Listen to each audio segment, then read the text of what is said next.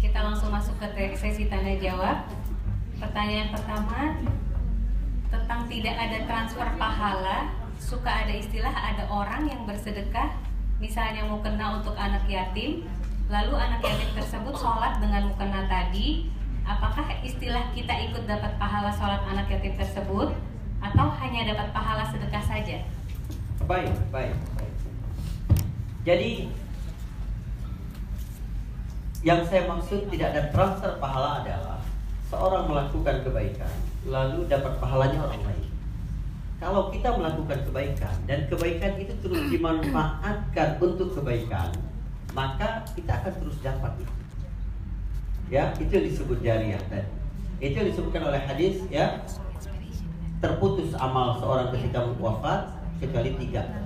Nah, hal-hal yang mesti dipakai dimanfaatkan untuk kebaikan. Karena itu begini, teman-teman sekalian, Nabi menyebutkan aturan, ya, tanda di antara ciri keberkahan harta seseorang adalah hartanya itu dimakan oleh orang saleh. Jadi kita sedekah itu harus selektif. Ngasih hadiah itu harus selektif. Jangan sampai yang kita berikan itu memudahkan dia melakukan kemaksiatan jadi tenaga dia melakukan kemaksiatan. Itu berarti harta kita tidak berkah. Berkah itu bertambah kebaikan. Itu arti berkah. Ya bertambahnya kebaikan itu berkah. Jadi kita kita gunakan begitu. Makanya para salafus saleh dulu menasihati orang-orang untuk jangan terlalu berlebihan. Kamu memikirkan anak setelah kamu itu bakal kamu tinggalin apa? Nggak penting. Sebab apa? Kalau dia ahli maksiat kamu ninggalkan harta untuk ahli maksiat kalau dia bertakwa kepada Allah, Allah jamin rezeki dia, gak usah kamu khawatir udah. Jadi udah lebih baik kita gunakan untuk infak, untuk infak. Ya, memang ada yang kita tinggalkan karena jangan sampai kita meninggalkan keluarga dalam keadaan meminta-minta, jangan terlalu miskin. Tapi anda berpikir satu yang sangat detail nanti rumah ini, nanti usahanya ini nanti deposit itu, ah, ya Allah Subhanahu Taala. Kalau dia gunakan itu ya untuk kemaksiatan, nggak berkah harta kita. Kalau dia bertakwa, Allah akan jamin itu semua. Begitu. Ya. Makanya cari kreatif dalam memberi bersedekah berinfak itu kreatif. Benar apa tidak? Ada uang satu juta ada pembangunan dua masjid. Lihat kira-kira yang lebih aktif masjid yang mana? Nah, itu kita ambil gitu loh. Masjid sudah banyak masjid di mana-mana terus bangun masjid lagi. Ini untuk apa? Tapi sementara ada lagi santri lagi butuh lagi apa di timur situ di apa? Nah, kita gunakan untuk itu. Di situ orang menghafal Al-Quran, di situ orang belajar agama, di situ ada kajian, di situ apa ah semua pahala itu ngalir semua ke kita, insya Allah. Ya, karena itulah barang wakaf tidak boleh dijual. Kenapa? Biar pahalanya terus mengalir. Barang wakaf nggak boleh dijual. Jadi kalau sekiranya ada sesuatu yang memang harus dihancurkan, dia harus tukar guling. Misalnya ini wakaf, lalu kemudian mau jadi jalan, hmm. ya, ah itu saat diganti rugi uangnya itu harus dalam bentuk wakaf lagi nanti ya beli tanah di Bekasi misalnya lalu bangun lagi biar wakaf orang yang dulu itu tidak hilang begitu saja baik Pertanyaan kedua, malaikat memohon ampun untuk semua manusia atau hanya orang beriman saja? Jika hanya orang beriman saja, maka definisi berimannya seperti apa? Baik, baik. Di ayat Al-Quran tadi disampaikan untuk orang-orang yang beriman. Jadi ini sudah dikhususkan berarti untuk orang yang beriman. Mana yang disebut iman tadi? Ah, kita sampaikan di pertemuan pertama dulu. Iman yang paling dasar ialah rukun iman itu. Asal seseorang sudah benar pada enam rukun iman itu, dia sudah termasuk orang yang beriman. Adapun hal yang lain itu cuma kesempurnaan iman, aksesoris iman, ya seperti dinding-dinding ini, ini, ini, ini yang lain. Tidak beriman seorang sampai dia mencintai saudaranya seperti dia mencintai dirinya sendiri. Kita belum sampai tahap itu, kita sudah beriman karena kita beriman kepada Allah, beriman kepada malaikat, beriman kepada takdir, beriman kepada sudah beriman itu. Malaikat memohon ampun pada hal. Karena itulah orang beriman itu pasti lebih mudah melakukan kebaikan dibanding yang tidak beriman. Kenapa? Karena yang membuat seseorang berat kepada ketaatan itu adalah dosa. Ah, malaikat meminta ampun dosa kita itu, maka ringanlah ya ringanlah langkah kita dalam ketaatan kepada Allah Subhanahu wa taala. Baik. Ya Allah. Assalamualaikum. Apakah benar di atas langit letak lurus dengan Ka'bah juga ada tempat tawaf para malaikat? Masya Allah. Ya. Di langit ketujuh ada Ka'bah yang seperti Ka'bah di bumi. Ya. Namanya Baitul Ma'mur. Tapi letaknya lurus dengan Ka'bah itu saya belum pernah ngukur. Karena dia ikhbari. Iya. Paham? Iya. Gak mau saya tambah-tambahin gitu. Eh, Meleset dikit lah, gak mau saya begitu ya kan. Nah, pokoknya Nabi waktu Isra Mi'raj di langit ketujuh Nabi berjumpa seorang yang bersandar di Ka'bah. Nabi nanya ke Jibril, siapa itu Jibril? Itu bapakmu Ibrahim. Ya, Ibrahim yang dapat kemuliaan itu karena yang membangun Ka'bah di bumi adalah Ibrahim. Kata Nabi, aku melihat 70 ribu malaikat tawaf di situ. Setiap hari ada 70 ribu malaikat dan malaikat yang sudah tawaf di situ tidak akan tawaf lagi di hari yang lain. Jadi entah berapa jumlah malaikat Allah itu. Dari awal dulu sampai nanti hari kiamat setiap hari ada 70 ribu malaikat baru. Kuotanya cuma sekali. Anda enak bisa umroh berkali-kali. Ini malaikat cuma sekali. Saking banyaknya jumlah malaikat ya. Nama nama Ka'bah itu Baitul Ma'mur ya. Ya, Baitul Ma'mur. Situ malaikat tawafnya di situ. Baik. Tapi saya nggak tahu tentang Istiqlal atau tentang Masjidil Haram orang Ya. Baik. Apa yang bisa dilakukan agar dicintai malaikat? Agar malaikat dengan cintanya untuk kita sehingga memohonkan ampun untuk kita. Baik. Berdasarkan ayat tadi, asal kita sudah beriman secara sempurna dengan rukun iman yang enam tadi, malaikat mencintai kita dan mohon ampun untuk kita. Tapi ada lagi amalan-amalan tambahan yang membuat malaikat khusus mendoakan kita. Di antaranya yang paling utama adalah menghadiri majelis ilmu. Jadi menghadiri majelis ilmu itu Anda niatkan juga. Selain mendapatkan ilmu biar lebih dekat kepada Allah karena ilmu itu paling afdol lah ya. Menuntut ilmu ini paling afdol amal dibanding sholat sunnah itu lebih afdol menuntut ilmu. Jadi kalau ada kajian Anda menghalangi sholat sunnah nanti sholat sunnah. Menuntut ilmu. Ya, karena orang kalau kenal dengan Allah itu beda. Kualitas ibadahnya itu berbeda. Allah ini nggak melihat kamu sebanyak apa bukan, tapi ahsanu amala. Siapa yang paling baik? Yang paling baik itu yang paling berilmu di situ. Dua orang sama-sama bikin rumah, satu pakai ilmu, satu tidak. Walaupun uangnya sama, 100 juta 100 juta, tapi yang satu desainnya, apa namanya, eh, ruangannya, efektivitas ruang, kemudian bagaimana, beda hasilnya. Karena apa? Karena ilmu. Jadi ada sholat seseorang kata Nabi yang cuma dihargai 10%. Ada yang cuma 20, ada yang cuma 30, ada yang ada apa? Ilmu. Gitu. Dan semangat orang berilmu itu beda, makanya menuntut ilmu sesaat lebih baik daripada sholat malam setahun. Kata Hasan Al Basri, ulama dari kalangan tabi'in berjumpa para sahabat semua, nggak mungkin ngomong ngarang, tapi berdasarkan ilmu dia, dia ngomong seperti itu. Karena apa yang dilakukan oleh orang yang berilmu itu jauh lebih baik. Nabi berkata, misli wa masalul alim wal abid, perumpamaan antara orang alim, orang yang punya ilmu dengan ahli ibadah seperti perumpamaan aku dengan yang paling bawah dari kalian.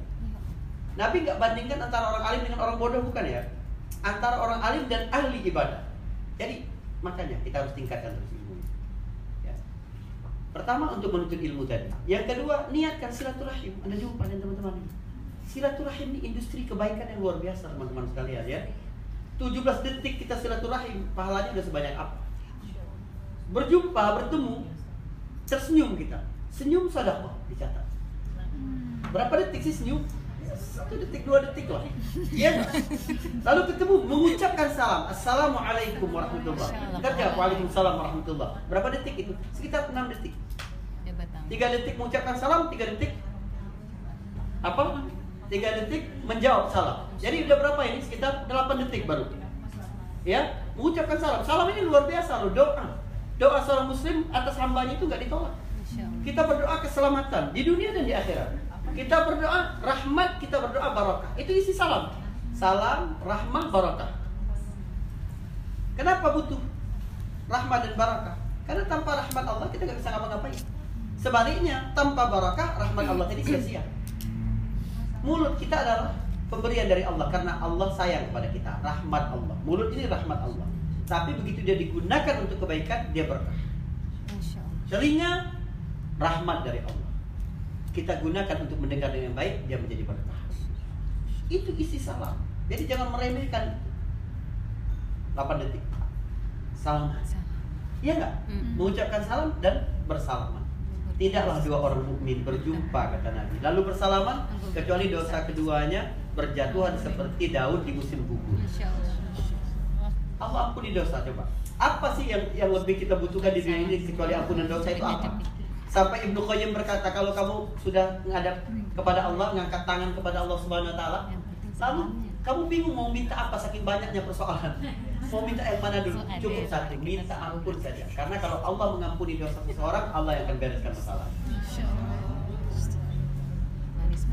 Dua detik, tiga detik. Udah berapa sekarang? 11 detik. Iya enggak? Lalu bertanya kabar, apa kabar? Alhamdulillah, memuji Allah. Subhanallah. Bersyukur, siapa yang bersyukur, Allah tambahkan. Jadi kurang dari 17 detik kita telah melakukan banyak kebaikan. Niatkan silaturahmi. Niatkan untuk ilmu dan. Niatkan pula apa? Mendapatkan doa malaikat. Malaikat membisikkan sakinah, membisikkan kedamaian di dalam hati kita. Itu kita begini. Jadi Anda dalam hati Anda boleh lah begini misalnya. Kayaknya nggak ada yang baru hari ini dari Ustaz Faris. Oke lah nggak masalah. Tapi niatkan Anda dapat dari malaikat. Ya. Kalau Anda makanya nggak usah milih-milih lah, nggak usah milih-milih. Nggak usah ya. Pengajian nih kita ingin dapat keberkahan dalam hidup dan untuk menambah ilmu kita. Bukan teater bioskop, bukan milih. Nih Ustaz ini ikut, Ustaz ini nggak ikut. Ya, gitu. Kita tahu- Allah kasih ilmu itu beda-beda. Di Ustaz ini beda, di Ustaz ini beda, di Ustaz ini beda, gitu ya. Gitu. Baik. Tentang jamaahnya nggak banyak, Faris ngomong begitu. Iya? Apa sampai di mana tadi? Allah malaikat ya menurunkan sakinah. Berikan doakan sakinah untuk kita ya. Sakinah ini teman-teman sekalian jangan tahu ngomong aja sakinah itu apa. Semoga sakinah mau ada orang. Seolah sakinah ini untuk orang baru aja. Enggak untuk anda juga itu. Jadi jangan tersinggung kalau saya bilang semoga sakinah ya. Gitu kepada jomblo gitu ya. Jangan tersinggung gitu. Karena sakinah ini sakinah itu perangkat tool aplikasi yang mengubah pemberian Allah menjadi nikmat jadi tidak semua pemberian Allah itu nikmat, tidak. Allah bisa memberi sesuatu tapi jadi bencana bagi manusia. Ya. Allah memberi seseorang pasangan tapi tidak memberi sakinah, pasangan menjadi azab bagi dia. Allah memberi anak kepada seorang, anak membuat malu keluarga, bikin aib keluarga, jadi azab bagi dia. Tapi bersama Allah berikan anak, Allah berikan sakinah, anak menjadi. Bersama Allah beri harta, Allah berikan sakinah, sakinah menjadi nikmat. Allah berikan pasangan bersama pasangan sakinah Allah jadikan nikmat. Ini sakinah. Jadi kita butuh ikut pengajian itu agar didoakan sakinah dapat sakinah dari para malaikat itu. Para malaikat mendoakan sakinah untuk kita itu. Berarti malaikat mendoakan apa pun yang engkau temui dalam kehidupan akan berubah menjadi baik dengan sakinah. Bahkan dalam kondisi paling takut, paling galau, paling sempit, begitu Allah turunkan sakinah, maka semua jadi kebaikan. Di gua tuh Nabi dan Abu Bakar As-Siddiq sudah terkepung bagaimana? Ya, Abu Bakar berkata, "Ya Rasulullah, kalau sekiranya mereka melihat ke arah kaki mereka, udah habis kita udah. The end." Kata Rasul, apa pendapatmu Abu Bakar tentang dua orang? Yang ketiganya Allah. Subhanallah. Menghadirkan Allah dalam kehidupan kita. Allah turunkan sakinah. Jadi libatkan terus Allah dalam seluruh kita. Maka Allah akan turunkan sakinah. Lalu apalagi berwudu sebelum tidur. Ya, itu juga al- malaikat doakan sampai seorang terbangun. Juga berzikir sebelum tidur. Jadi sebelum tidur ma- malaikat dan satu syaitan, satu malaikat, satu syaitan saling membisikkan. Malaikat membisikkan kita untuk terus melakukan kebaikan. Syaitan membisikkan untuk menutup hari ini dengan keburukan. Macam-macam. Entah dendam kepada seseorang, sukuzon kepada seorang. Tadi kok di aula ketemu senyumnya beda banget itu gitu ya. Mau tidur ini? Itu bisikan setan itu. Biar kita tidur menutup hari dengan hal seperti itu. Beda banget cara dia ngelihat gitu gitu. Masya allah Allah ya. Gitu. Iya gitu. Gampang. Tapi kalau kita menutup hati dengan kebaikan, malaikat akan. Di samping ada amalan-amalan lain ya, taat kepada suami, kemudian hal-hal yang lain banyak sekali dalam ibadah-ibadah ini mendatangkan doa para malaikat. Baik. Lagi masih Ustaz? Juga berdoa kebaikan kepada saudara kita tanpa pengetahuan dia ya. Jadi kalau di grup puasa ada orang itu doakan ya anak gua lagi sakit daripada kamu jawab amin amin lalu kopas kopas gitu lebih baik kamu doakan dalam hati tanpa pengetahuan dia ya Masya Allah. begitu ya ya Allah semoga sembuhkan anak Jadi maaf ya, Ya, kalau semoga saya anaknya selalu sehat, selalu dalam lindungan. Maka malaikat berkata, Allahumma amin walaka mithlu. Amin dan engkau juga bagi engkau Tapi juga hal yang sama. Itu kenapa? Iya. Syaratnya apa? Berdoa Kasih tanpa sepengetahuan gitu kan. orang yang didoakan. Satu lagi oke. Satu lagi. Yang pertama, apakah malaikat mencatat amalan hati atau hanya amalan zohir? Dan yang kedua, apakah malaikat mencatat kemaksiatan zohir? Kemaksiatan zahir, ya dicatat, ya. Kalau di hati belum jadi kemaksiatan. Ya, kalau di hati belum tercetus, itu belum jadi kemaksiatan. Tapi Allah tahu. Allah tahu, makanya kita minta kepada Allah agar Allah sucikan hati kita. Allahumma ati, Nabi ajarkan doa, Allahumma ati nafsi taqwaha wa zakkiha anta khairu man zakkaha. Ya Allah sucikan hatiku ini datangkan ketakwaan kepadanya. Jangan sampai husnuzon kepada orang, jangan sampai dendam, jangan sampai apa. Wilayah malaikat belum itu. Masih di hati itu. Ya, begitu ya. Tapi begitu kita meniatkan kebaikan, nah itu dicatat sama Allah SWT dicatat. Ya. Tapi kalau kemaksiatan tidak. Baik.